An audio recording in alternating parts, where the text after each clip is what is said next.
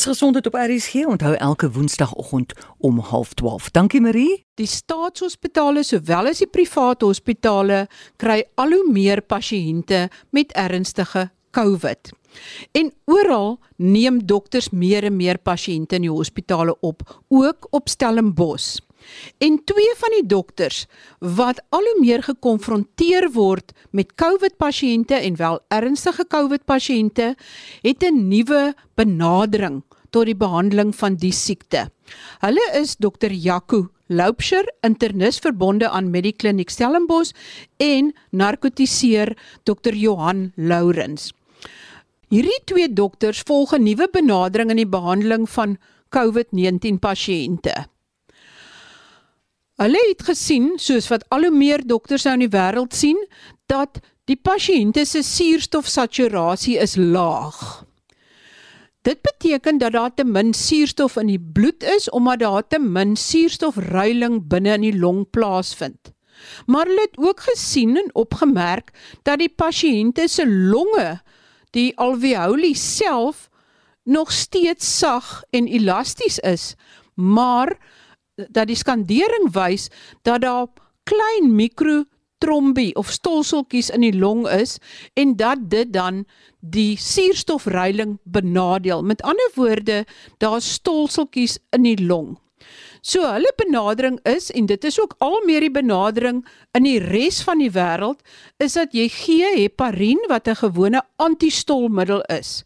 Maar hulle het 'n stap verder gegaan en hulle het gekyk na die plaatjies wat die bloedplaatjies begin om as wanneer stolsels gevorm word, begin die bloedplaatjies aan mekaar vas te kleef. En mens noem dit aggregasie van bloedplaatjies wat dan 'n proppie vorm. 'n stolselvorm en hulle het toe begin om volgens 'n spesifieke toets te kyk tot watter mate die plaatjies betrokke is by aggregasie by stolselvorming die toets word genoem die TEC toets en dit staan vir trombo elastogram. En volgens daai toets as hulle sien dat die stolselvorming buitengewoon versterk is, begin hulle ook met antiplaatjie antistolfaktore. En as daar dan reeds stolselvorming is, het hulle tot die stap oorgegaan om TPA, dit is 'n spesifieke stof wat weer 'n stolsel opbreek. In te spyt, eers het hulle dit laat inasem en toe het hulle later oorgegaan na die inspuitings toe. En dit is 'n tipiese middel soos byvoorbeeld streptokinase wat deur kardioloë of hartspesialiste ingespuit word as 'n pasiënt met 'n hartaanval baie vinnig by 'n hospitaal uitkom en daar's 'n stolsel in sy hartvate wat 'n bloedvoorsiening na 'n deel van sy hartspier blokkeer, dan word dit ingespuit om daai stolsel op te los sodat daar nie verdere hartspierskade is nie. So die twee dokters het dan begin om hierdie tipe behandeling toe te pas. Met ander woorde baie vroeg het hulle begin om antistolmiddels te gee. Hulle het volgens 'n spesifieke toets begin om die TEC toets begin om antiplaatjie antistolmiddels te gee en dan ook om 'n middel te gee wat die fibrin netwerk van die stolsel oplos. Hier gee hulle net so bietjie meer insig daaroor en ook die boodskap wat hulle graag wil oordra. Ek en Johan het het oor die laaste paar maande krities begin kyk na al die verslae van oorsee en van natuurlik nou ons eie pasiënte En ons het besef dat hier is 'n probleem in die sin dat hierdie is nie werklik 'n virus pneumonie nie, maar dat daar 'n probleem is met die bloedvatstelsel van die long. Dit word toenemend bekend dat pasiënte komplikasies ontwikkel as gevolg van bloedstolling. En dit het ons gepla en ons het gaan kyk waarom gebeur dit. Marie, ek dink een belangrike aspek van uh hierdie siekte is hiperstolbaarheid met 'n verlaagde afbraak van reeds gevormde stolsels en dat die suurstof tekort en ventilasie inperking in hierdie pasiënte grootliks te doen het met stolsels in die longe. Dat pasiënte vroeër eerder as later eintlik relatief aggressief behandel te boord te word en dat uh, stolling behoort as 'n rotine gemeet te word. En ek praat nie van rotine stollingstoetse nie, ek praat van viskoelastiese toetse soos 'n TEG waar gekyk moet word na heelbloed stolling wat die naaste is aan stolling soos dit in 'n ware pasiënt plaasvind. Ek dink ook om die behandeling te rig volgens wat jy meet en nie net blindweg 'n resep te volg nie. 'n Belangrike aspek vir my is om die naam van die siekte te verander om mee te begin. Hierdie is nie 'n COVID-19 pneumonie nie. Hierdie is COVID-19 trombotiese mikroangiopatie wat die vaskulêre stelsel impliseer. Omdat hierdie 'n vaskulêre probleem is, moet die klem lê op die meting van hiperstolbaarheid en met spesifieke aandag aan die bloedplaatjie. Ek dink die bloedplaatjie is eintlik die ster in die verhaal op die oomblik wat geïgnoreer word en ek dink daar is hoop. Goeiemôre en baie welkom by Gesondheid op RSG. Soos julle nou gehoor het, is daar 'n uh, eh, baie interessant en dit is dat hierdie twee dokters op Stellenbosch nou 'n nuwe benadering het. Met ander woorde, hulle gebruik nie net die een soort antistolmiddel nie, maar ook 'n uh, antiplaatjie antistolmiddel plus hulle gebruik 'n middel om die trom die uh, trombus wat reeds gevorm het op te los. Maar ek gesels nou verder want hierdie is 'n baie interessante bevindings wat hulle gemaak het en hoewel dit 'n klein groepie pasiënte is, dis omtrent 22, kan mens beslis nie dit ignoreer nie en dit tog uh, beslis aandag hier aan gee want dit is pasiënte wat sonder 'n ventilator gesond aan die kant uitgekom het. En my ander gas wat ek vandag mee gesels is professor Andrei Kutse. Hy is 'n voormalige hoof van die departement van narkose by die Tygerberg Hospitaal en die Universiteit van Stellenbosch En baie welkom professor Kutse. Uh, môre Marie, môre luisteraars. Ja, môre. Professor Kutse, kan jy vir ons meer vertel wat is die rol van die stolselvorming in hierdie hele siekte wat bekend staan as COVID? Want daar kom nou al hoe meer publikasies uit wat hierdie stolbaarheid van uh binne in die bloedvaatjies beklemtoon en uitspel. Uh, maar ek het 'n paar algemene opmerkings maar dan kan ons praat oor stolling en ek kan dan op elke punt wys wat ons weet en wat mens nie weet nie en miskien op die einde net oor die behandeling. Nou ek wil begin deur te sê kyk die die stoldefekte of hiperstolbaarheid by enige infeksie en inflammasie is beslis nie net nie. Ek dink mense moet versigtig word wees vir die inferensie dat hierdie is 'n nuwe bevinding of 'n nuwe benadering. Dit is eenvoudig nie so nie. By tydsgewerk word ons al van die 91 al gefokusde getiteerde heparin gebruik as 'n antistolmiddel by pasiënte wat ernstige sepsis het vir juis die rede dit is gepubliseer baie lank terug, jaar terug al en langer dat sodra mense ernstig siek raak soos met inflammasie en sepsis en COVID is een van die groepering en dan is daar 'n neiging tot verhoogde solbaarheid En dit is so lank terug soos in 1977 al gewys dat in die long spesifiek veroorsaak dit klonte. En dit is ook deel van ons terapie by Tegenberg en ook my huidige praktyk uh, gedefinieer dat jy moet gefokusde antistol by die siek pasiënte gebruik. Die tweede punt te maak is is dat uh, die stolkomponent is net 'n deel van die siekte. Ek verskil van die siening dat die siekte se naam moet verander word om daar nou 'n bevinding is wat ons eintlik al lankal van weet want dit is nie die enigste probleem by die pasiënte nie. Die interleukin proses wat 'n inflammatoriese proses is die gaan nog heel gemaklik aan al behandel jy een komponent waar die stolling is wat belangrik is. Maar dit vrywaar nie die pasiënt van die ander komplikasies soos byvoorbeeld die ernstige longbesering of wat ons noem 'n uh, ernstige of akute longversaking by die volwasse nie Dan die laaste punt, algemene punt is mens moet oppas vir afleidings maak. Jy weet, as jy kyk na die getalle, as jy 100 pasiënte vat wat COVID positief toets, dan sal ongeveer 10 in die hospitaal land en ongeveer 1 sal uh in intensiewe sorg in beland met uh, ernstige graad van siekte. Nou dit dit bring onmiddellik na vore as jy wil voorspellings maak of wil spekuleer oor uitkomste van 'n terapie. Het jy 'n uh, oordentlike prospektiewe blinde toetsing nodig waar jy kontrolegroepe versus nie kontrolegroepe het. Uh, so as jy praat van 20 pasiënte in 'n in 'n toetsreeks, dit gaan by ons deur as anekdotes, dit is uh, gevalstudies, maar dit is nie naaste by voldoende om 'n hipotese te bevestig nie. Net om die punt te maak, op die oomblik is daar vier groot multidissiplinêre internasionale studies aan die gang wat hierdie uh, probleme van stolling uh, ordentlik prospektief uh, ondersoek en daar's nog baie pasiënte nou uh, wat hulle kan gebruik en daar's dringendheid om antwoorde te kry om wat te maak. So dis net algemene opmerkings. Nou kom ek gesels net oor stolling. Dis 'n 'n multi faktoriale aangeleentheid en ek gaan net so deur die verskillende faktore stap. Die eerste is die endoteel. Nou die endoteel is die sellaagie wat die binnekant van selle belyn. Onderkant hom, aan die ander aan die buitekant is daar 'n besaal selmembraan met onder andere kollageen. Ek sal nou sê hoe dit belangrik is. En aan die binnekant, aan die bloedse kant is daar so 'n amorfe laagie wat ons noem die glycocalyx en dit is uh, dit bevat onder andere heparan wat 'n tipe antistol is. So die luisteraar kan aflei dat die endoteel is glad, die binnekant van die bloedvate en hy is gemik daarop om te keer dat ons opstol.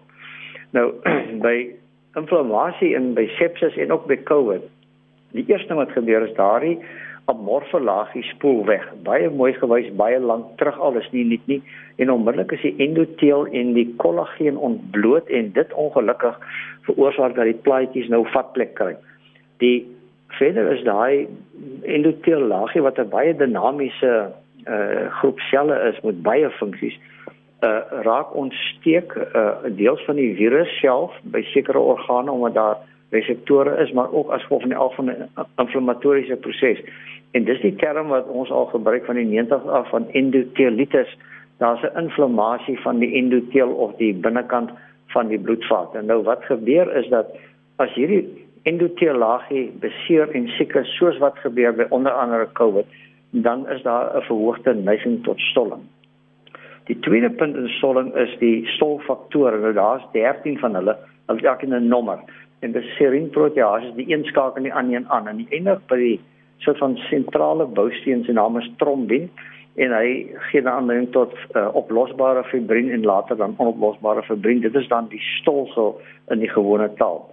Nou net soos wat hierdie proses aan die gang is om stolling te veroorsaak net so is daar 'n uh, antistol prosesse onder andere proteïen C en proteïen S dit is 'n 'n parallelle pad wat weer die stolproses 'n bietjie kalmeer. So op die ouend is daar 'n balans ter sprake. Nou wat gebeur in inflammasie en sepsis, infeksie en waarvan COVID een is? Daar is goed gewys by deur baie publikasies dat daar 'n verhoogde trombien en dit is goed gewys dat daar 'n afname in die proteïen C wat die antistol die remmer. Dit is afgerem. So die, die, luisteraar kan verstaan dat sepsis, infeksie en sluitende COVID, die veroorsaak dan 'n verhoogde neiging om te wil stol. En jy moet nou onthou, dit is nou saam met die endoteel wat ook wil stol, net om terug te gaan die endoteel waar hy normaalweg 'n antistol ehm um, funksie het. Sodra hy siek raak, dan raak hy bykans 'n prostol funksie. So dit is nogal dramatiese verandering.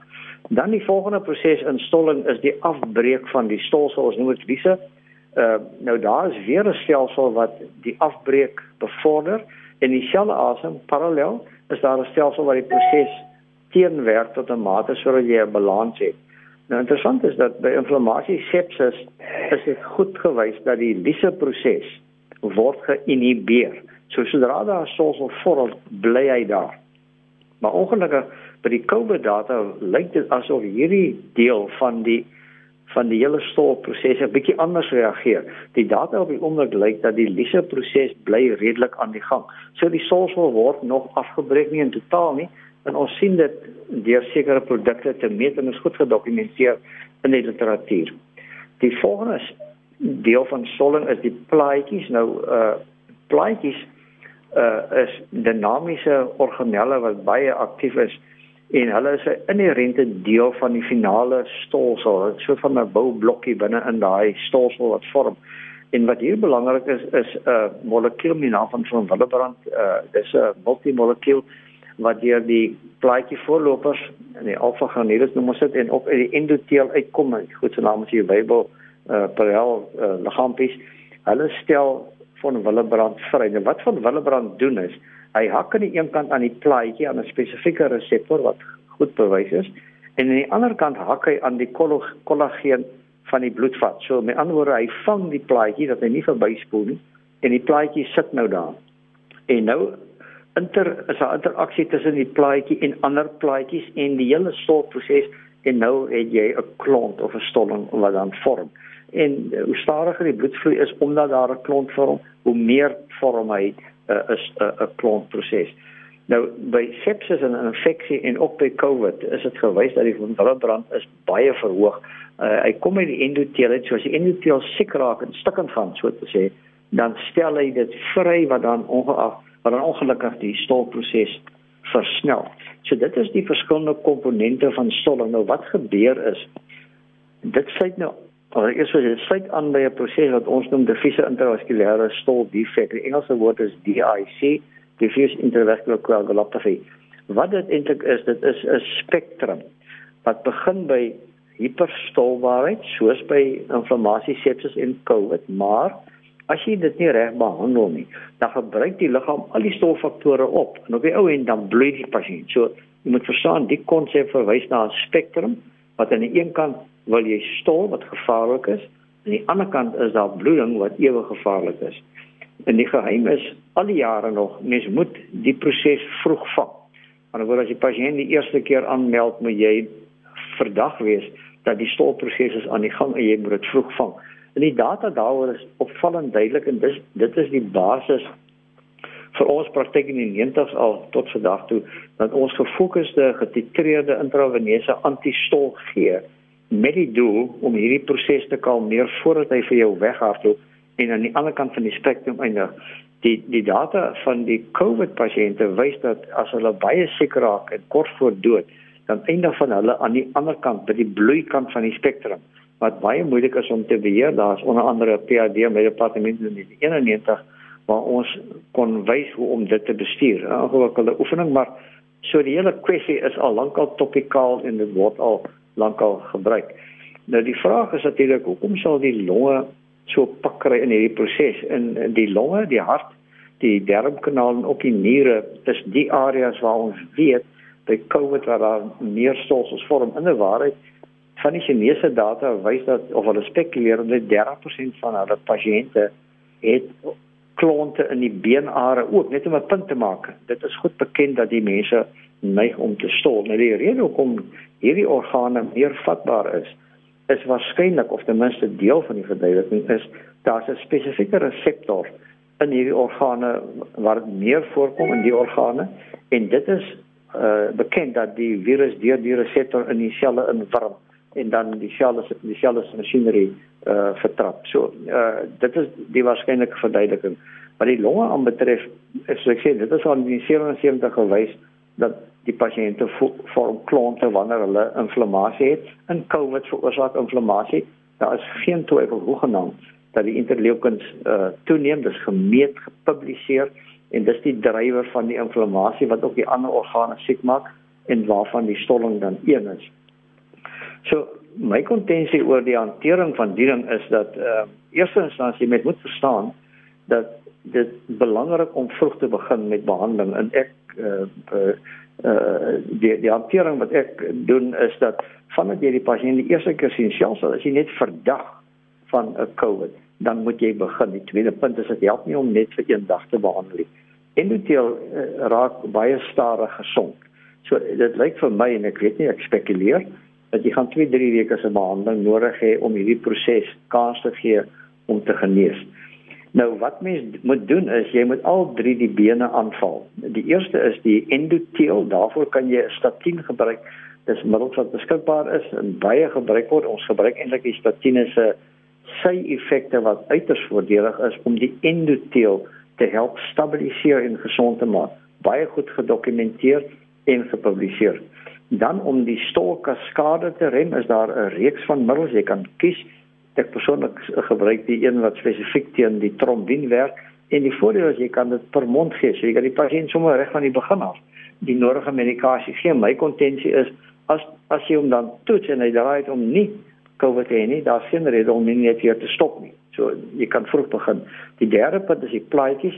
Nou die plaatjies uh hoekom dit belangrik is en dit is nie asof dit 'n uh, enigma is nie. Die probleem is net dat hierdie die pasiënte by COVID se plaatjie tellings bly hoog.